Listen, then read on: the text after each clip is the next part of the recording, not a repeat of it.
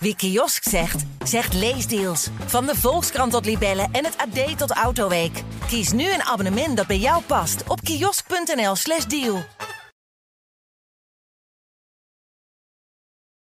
Hallo, ik ben Laurens Verhagen, AI-redacteur van de Volkskrant en auteur van het stuk dat u straks gaat beluisteren. Het mooie van schrijven over technologie, specifiek over kunstmatige intelligentie, is dat hier veel van mijn interesses samenkomen. Technologie is in zichzelf niet goed of slecht, zei een denker ooit, maar ook niet neutraal. Hoe we, om maar bij ons onderwerp te blijven, AI inzetten, bepaalt of dit ten goede of ten slechte gebeurt. Daar blijft het niet bij. We geven ons gereedschap vorm en daarna vormt het gereedschap ons, luidt een ander bekend citaat. Ook dit illustreert het gegeven dat technologie niet neutraal is. We maakten mobiele telefoons en vervolgens zorgden diezelfde mobieltjes dat we ons fundamenteel anders zijn gaan gedragen. Hetzelfde gebeurt met AI. Sommige mensen ervaren relaties met chatbots als betekenisvoller dan met echte mensen. Het mooie van het onderwerp AI is ook nog eens dat het een ander licht op onszelf laat schijnen. Wat maakt ons uniek? Zijn we denkende wezens? Zijn we niet meer dan een calculerend brein? Wat onderscheidt ons eigenlijk van beesten of van machines? Hoeveel autonomie kennen we aan machines toe? Het denken over AI dwingt ons om over onszelf te reflecteren. Wat mij fascineert is de vraag in hoeverre AI echt intelligent is en op welke punten AI wezenlijk afwijkt van menselijke intelligentie. Het debat daarover is ernstig gepolariseerd, zo blijkt uit het artikel dat ik hierover schreef. De grote vraag die boven dit alles zweeft is: komt AI ooit op het punt dat het de mens op alle vlakken de baas is? Ja, zegt een hele groep mensen. Een andere groep vindt dit allemaal de grootst mogelijke onzin. Over deze twee groepen gaat dit stuk. In de ogen van die laatste groep is AI weliswaar een indrukwekkend stuk gereedschap, maar ook beperkt en fundamenteel verschillend van ons mensen. Het is in dit kader interessant om de Chinese Kamer, een gedachte-experiment van de Amerikaanse taalfilosoof John Searle, erbij te pakken. Searle probeerde antwoord te krijgen op de vraag: kunnen we computers intelligent noemen? Stel je voor, je bevindt je in een afgesloten kamer en spreekt geen woord Chinees. In de muur zit een gleuf, waardoor af en toe een vel met Chinese tekens wordt geschoven. In de kamer bevindt zich een handleiding die precies vertelt wat een goed antwoord zou zijn op de onbegrijpelijke tekens die op de vellen staan. Met behulp van die handleiding zou degene in de kamer een overtuigend gesprek kunnen voeren met de persoon die van buiten de kamer papieren naar binnen schuift. Hij krijgt immers telkens een adequaat antwoord. De persoon buiten heeft geen idee wat er in de kamer gebeurt. Maar wat Searle wilde aantonen was dit. Deze kamer heeft geen intelligentie. Degene in de kamer die volgt namelijk slechts regels op. Hij heeft geen idee waar de conversatie over gaat. Ook de handleiding heeft geen begrip en is niet meer dan een oneindige reeks regels. Die kamer van Searle is een computer. Of, anno 2024, AI. Dus dit is mijn stuk. Als AI onze ondergang dreigt te worden, staan de makers ervan klaar om de mensheid te redden. Voorgelezen door Ronald Top. Gaat AI de mensheid verheffen? Of tekenen we met onze laatste vinding onze eigen ondergang? Het is het soort vraag dat tegenwoordig op vele lip besloten ligt, maar waar de tech-elite zich al veel langer druk om maakt. Het is ook precies de vraag die in 2015 de inzet vormt van een verhit debat tussen de vrienden Elon Musk en toenmalig Google-baas Larry Page. De setting. Musks verjaardagsweekend in een weelderig wijnresort in de groene heuvels van Californië. Na het diner nemen de twee vrienden plaats bij een knapperend vuur naast het zwembad. Zo memoreert de New York Times aan deze avond. Page en Musk blijken diametraal tegenover elkaar te staan in hun opvattingen over AI. Uiteindelijk, betoogt Page, zullen er vele soorten intelligentie bestaan: kunstmatige, menselijke en hybride vormen. En de beste zal winnen, concludeert hij nuchter. Maar dat betekent dat we ten dode zijn opgeschreven, reageert Musk. Slimme computers zullen de mensheid vernietigen. Hierop noemt Page hem neerbuigend een speciesist. Iemand die de voorkeur geeft aan mensen boven, in dit geval, machines. Het debat vormt de opmaat voor de oprichting van OpenAI. Niet lang na begint Musk gesprekken met Sam Altman. Hun gezamenlijke doel is de start van een AI-bedrijf dat de mensheid moet beschermen tegen de visioenen van mensen zoals Page. Page en Musk mogen dan tegenover elkaar staan. Voor tech-critici zijn ze juist opponenten van hetzelfde kamp. Namelijk de club van extreem vermogende ondernemers die fantaseren over buitensporige science fiction scenario's en tegelijkertijd degene zijn die de meest geavanceerde AI-technologieën op de markt brengen of faciliteren. Zij zijn immers ook uitverkoren om de mensheid te beschermen tegen AI. Krachtige AI moet in hun handen blijven, dan komt het allemaal wel goed. Dat ze daar nog veel meer geld mee verdienen, is natuurlijk mooi meegenomen. Nu, negen jaar later, wordt deze existentiële discussie op sommige feestjes in Silicon Valley teruggebracht tot een doodnormale vraag om het ijs te breken. Wat is je P-doom? Dit is, in procenten uitgedrukt, de kans dat AI de mensheid vernietigt. Een hoge score betekent dat je een doomer bent. Daartegenover staan de AI-boomers. De mensen die geen gevaar zien en wars zijn van regelgeving of andere beperkende maatregelen. AI brengt volgens hen zoveel voordelen dat we haast moeten maken met het op de markt brengen van toepassingen.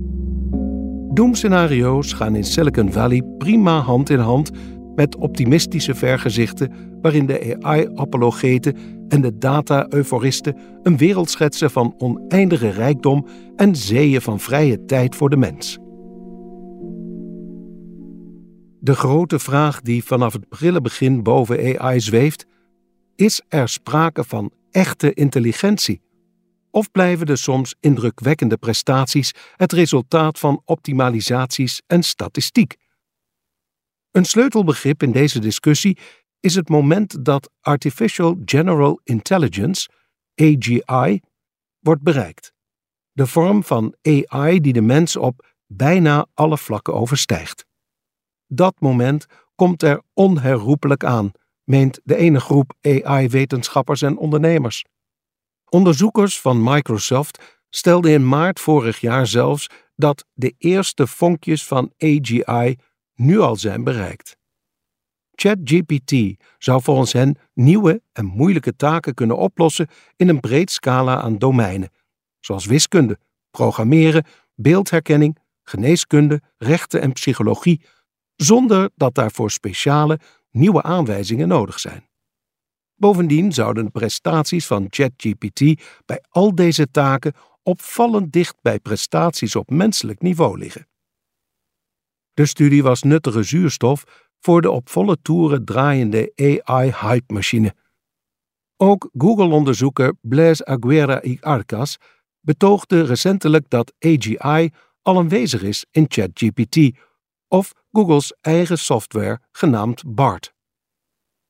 Andere experts zien ondertussen geen enkele aanwijzing voor de komst van synthetische intelligentie die in de buurt van menselijke vermogens komt. Meta's AI-baas Jan LeCun, bijvoorbeeld, die als een van de peetvaders van AI wordt aangeduid, bagatelliseert juist keer op keer de existentiële gevaren. Ook denkt hij niet dat AGI er snel zal zijn. Een van de problemen in dit debat is het gebrek aan overeenstemming over begrippen, zegt Stefan Buisman, onderzoeker naar verantwoord gebruik van AI aan de TU Delft. De definitie van AGI verschuift telkens weer. Logisch dus dat er geen consensus bestaat over de vraag of AGI bestaat. De techniekfilosoof ziet vooral grote verschillen tussen mens en machine. ChatGPT is vooral een programma dat een statistisch trucje heel goed toepast, maar van daadwerkelijk inzicht is geen sprake. Snapt een chatbot waarover hij het heeft? Kan hij redeneren? Dat is een heel ander verhaal. Het menselijk brein doet meer dan alleen statistiek. We hebben bijvoorbeeld kausaal inzicht. Ook Roel Dobbe, onderzoeker data en algoritmen aan de TU Delft, vindt het problematisch om over intelligentie te spreken bij machines, alsof die hetzelfde is als menselijke intelligentie. Dat is een nogal science fiction-achtige benadering, zegt hij. In de praktijk werken informatiesystemen niet zo. Het weerhoudt ondernemers als Altman en Musk er niet van om uitbundige voorspellingen te doen. Het is een kwestie van een paar jaar. Dat de AI-ondernemers zo hameren op AGI vindt Dobbe goed verklaarbaar. Het hele bedrijfsmodel van ondernemingen als OpenAI staat of valt met de hype die rond AI hangt. Hoe groter de verwachtingen, hoe meer geld de bedrijven waard zijn en hoe meer investeerders er klaarstaan met vers kapitaal. Op een miserige avond in april vorig jaar is de grote zaal in het Amsterdamse debatcentrum Pakhuis de Zwijger afgeladen. Ademloos staren de aanwezigen naar verontrustende slides die de risico's schetsen van AI. Existentiële risico's. Oftewel, risico's die de menselijke potentie op langere termijn dreigen te ondermijnen, zoals het uitsterven van de mensheid. Die avond, georganiseerd door de non-profit organisatie Existential Risk Observatory, komt op een uitgelezen moment. De initiële bewondering van het grote publiek voor programma's als ChatGPT is in korte tijd overschaduwd door alarmistische doemverhalen over de effecten van AI. Voor veel van degenen die geloven in de komst van AGI is het al langer de enige logische vervolgstap in hun denkproces. Kunstmatige superintelligentie betekent een existentieel gevaar voor de mensheid. De X-riskers, zoals deze groep wordt genoemd, pleiten voor maatregelen door de overheid of door bedrijven zelf om die risico's te beteugelen. Als oprichter en directeur van het Existential Risk Observatory, dat wordt gesteund met geld van de steenrijke Skype-oprichter Jaan Tallinn, is Otto Barton in Nederland een van die stemmen. Nu is er nog geen AGI, maar dat zou binnen een paar jaar anders kunnen zijn. De risico's worden actueel op het moment dat geavanceerde AI menselijke intelligentie overstijgt. Ik hoor critici vaak zeggen dat het nog lang niet zover is en dat we ons dan pas zorgen hoeven te maken. Maar dat lijkt me geen slimme strategie. Tegen die tijd zijn we te laat. We moeten ons nu al voorbereiden. Er zijn genoeg scenario's waarover Barton zich zorgen maakt. Superintelligentie kan bijvoorbeeld in handen komen van kwaadwillenden. Dat kan een land zijn dat niet het beste met de mensheid voor heeft, maar ook een individu of organisatie. Verder is er nog het klassieke scenario dat bekend is geworden van het gedachte-experiment uit 2003 van de invloedrijke Zweedse filosoof Nick Bostrom, de paperclip maximalisator. Bostrom stelt zich een superintelligente AI voor die als enige taak heeft zoveel mogelijk paperclips te produceren. Zonder de juiste ethische grenzen of beperkingen in haar programmering zou deze AI theoretisch alle beschikbare middelen op aarde kunnen gebruiken om paperclips te maken, inclusief het benutten van alle materie om haar heen in paperclips.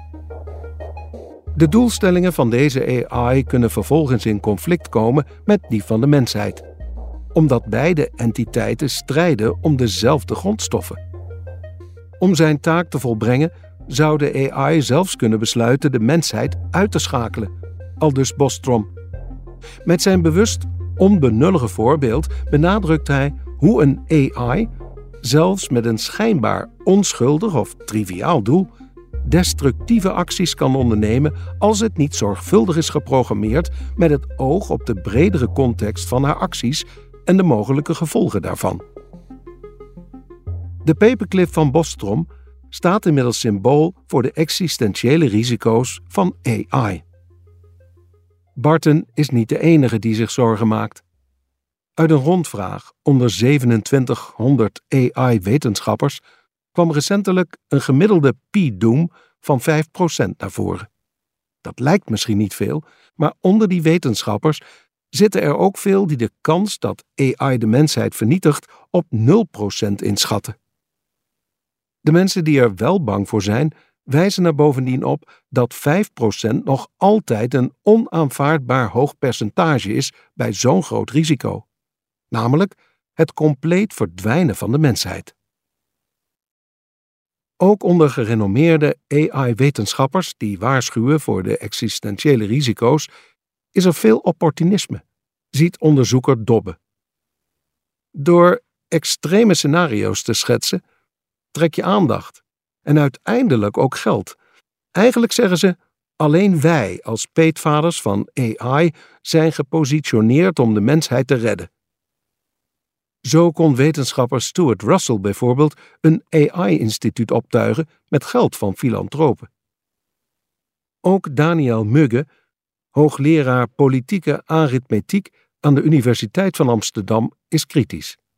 Prima om onderzoek te doen naar X-risk, maar de existentiële lange termijn problemen zijn niet het enige risico. Net als andere critici legt Mugge het verband tussen ex-riskers en effectief altruïsme. Een beweging die in Silicon Valley een stevige voet aan de grond heeft gekregen. Het idee daarbij om maximaal goed te doen voor de mensheid klinkt nobel, maar heeft een problematische kant, zegt Mugge. Het is een wiskundige benadering van altruïsme. Hoe kun je op basis van een bepaalde inzet als tijd of geld maximale impact bereiken? De combinatie van de aanwezigheid van geld en nerds maakt Silicon Valley tot een logische voedingsbodem. Verdien zoveel mogelijk geld en je kunt maximaal goed doen. Maak een zo krachtig mogelijk AI-systeem en je lost zoveel mogelijk problemen op. Door zoveel te hameren op X-risk verdwijnen concrete problemen als discriminatie, verlies van menselijke controle en het nemen van automatische besluiten zonder transparantie naar de achtergrond, vindt ook onderzoeker Buisman. Hij noemt OpenAI als concreet voorbeeld. Dat bedrijf keek bij het ontwikkelen van zijn modellen alleen naar de lange termijn risico's, niet naar zaken als privacy of duurzaamheid. Buisman ziet dit bij veel AI-bedrijven Mooie woorden over ethische principes. Maar wat betekenen die echt? Hebben ze hun systemen getest? Zijn die systemen beschikbaar? Mooie woorden moeten consequenties hebben, anders zeggen ze niets. Met aandacht voor X-Risk zwelt ook de kritiek aan. Roel Dobbe is één van die critici. Het palet aan X-Riskers is breed en varieert van ondernemers die een rechtstreeks commercieel belang hebben, tot een groep die zich, volgens Dobbe, oprecht zorgen maakt. Al gebeurt dat laatste dan weer wel vanuit een bijna religieus en ongegrond geloof in de capaciteiten van AI. Op zichzelf is er niets mis met nadenken over de risico's van AI, vindt Dobbe, maar het probleem is dat de focus op de lange termijn risico's de aandacht afleidt van de problemen die er nu al zijn met AI. Dobbe wijst op de recente AI-bijeenkomst in het Britse Bletchley Park, waar het ook weer over X-risk ging en waar onder andere Elon Musk mocht opdraven voor een gesprek met Rishi Sunak. Op de gastenlijst van de Britse premier ontbraken echter vertegenwoordigers van groepen die nu al schade ondervinden van AI-systemen. Zoals mensen in lage lonenlanden die tegen extreem lage vergoedingen helpen die systemen te verbeteren. Een ander, veelgenoemd probleem is de aanwezigheid van seksistische of raciale vooroordelen in datasets, waarmee bias wordt vergroot. Concreet, vraag aan een plaatjesmaker om een club CEO's te portretteren en je krijgt vijf witte mannen in pak. De belangen van de techbedrijven zijn helder, zegt Dobbe. Zij hopen op zelfregulering of, in het ergste geval, op een halfbakken vorm van toezicht die zo min mogelijk gaat over feitelijke veiligheidsrisico's. Op die manier verplaatsen ze de aandacht effectief naar een in de toekomst liggend risico dat niet goed geduid kan worden.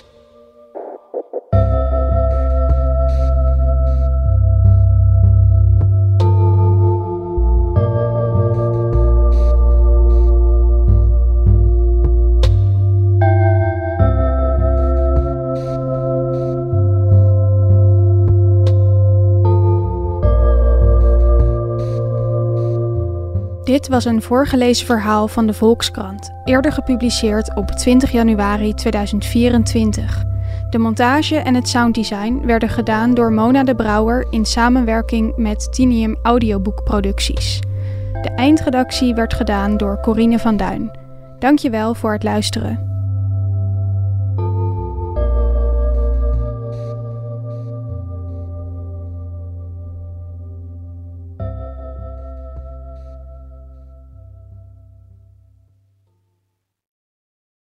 Wie kiosk zegt, zegt leesdeals. Van de Volkskrant tot Libellen en het AD tot Autoweek. Kies nu een abonnement dat bij jou past op kiosk.nl/slash deal.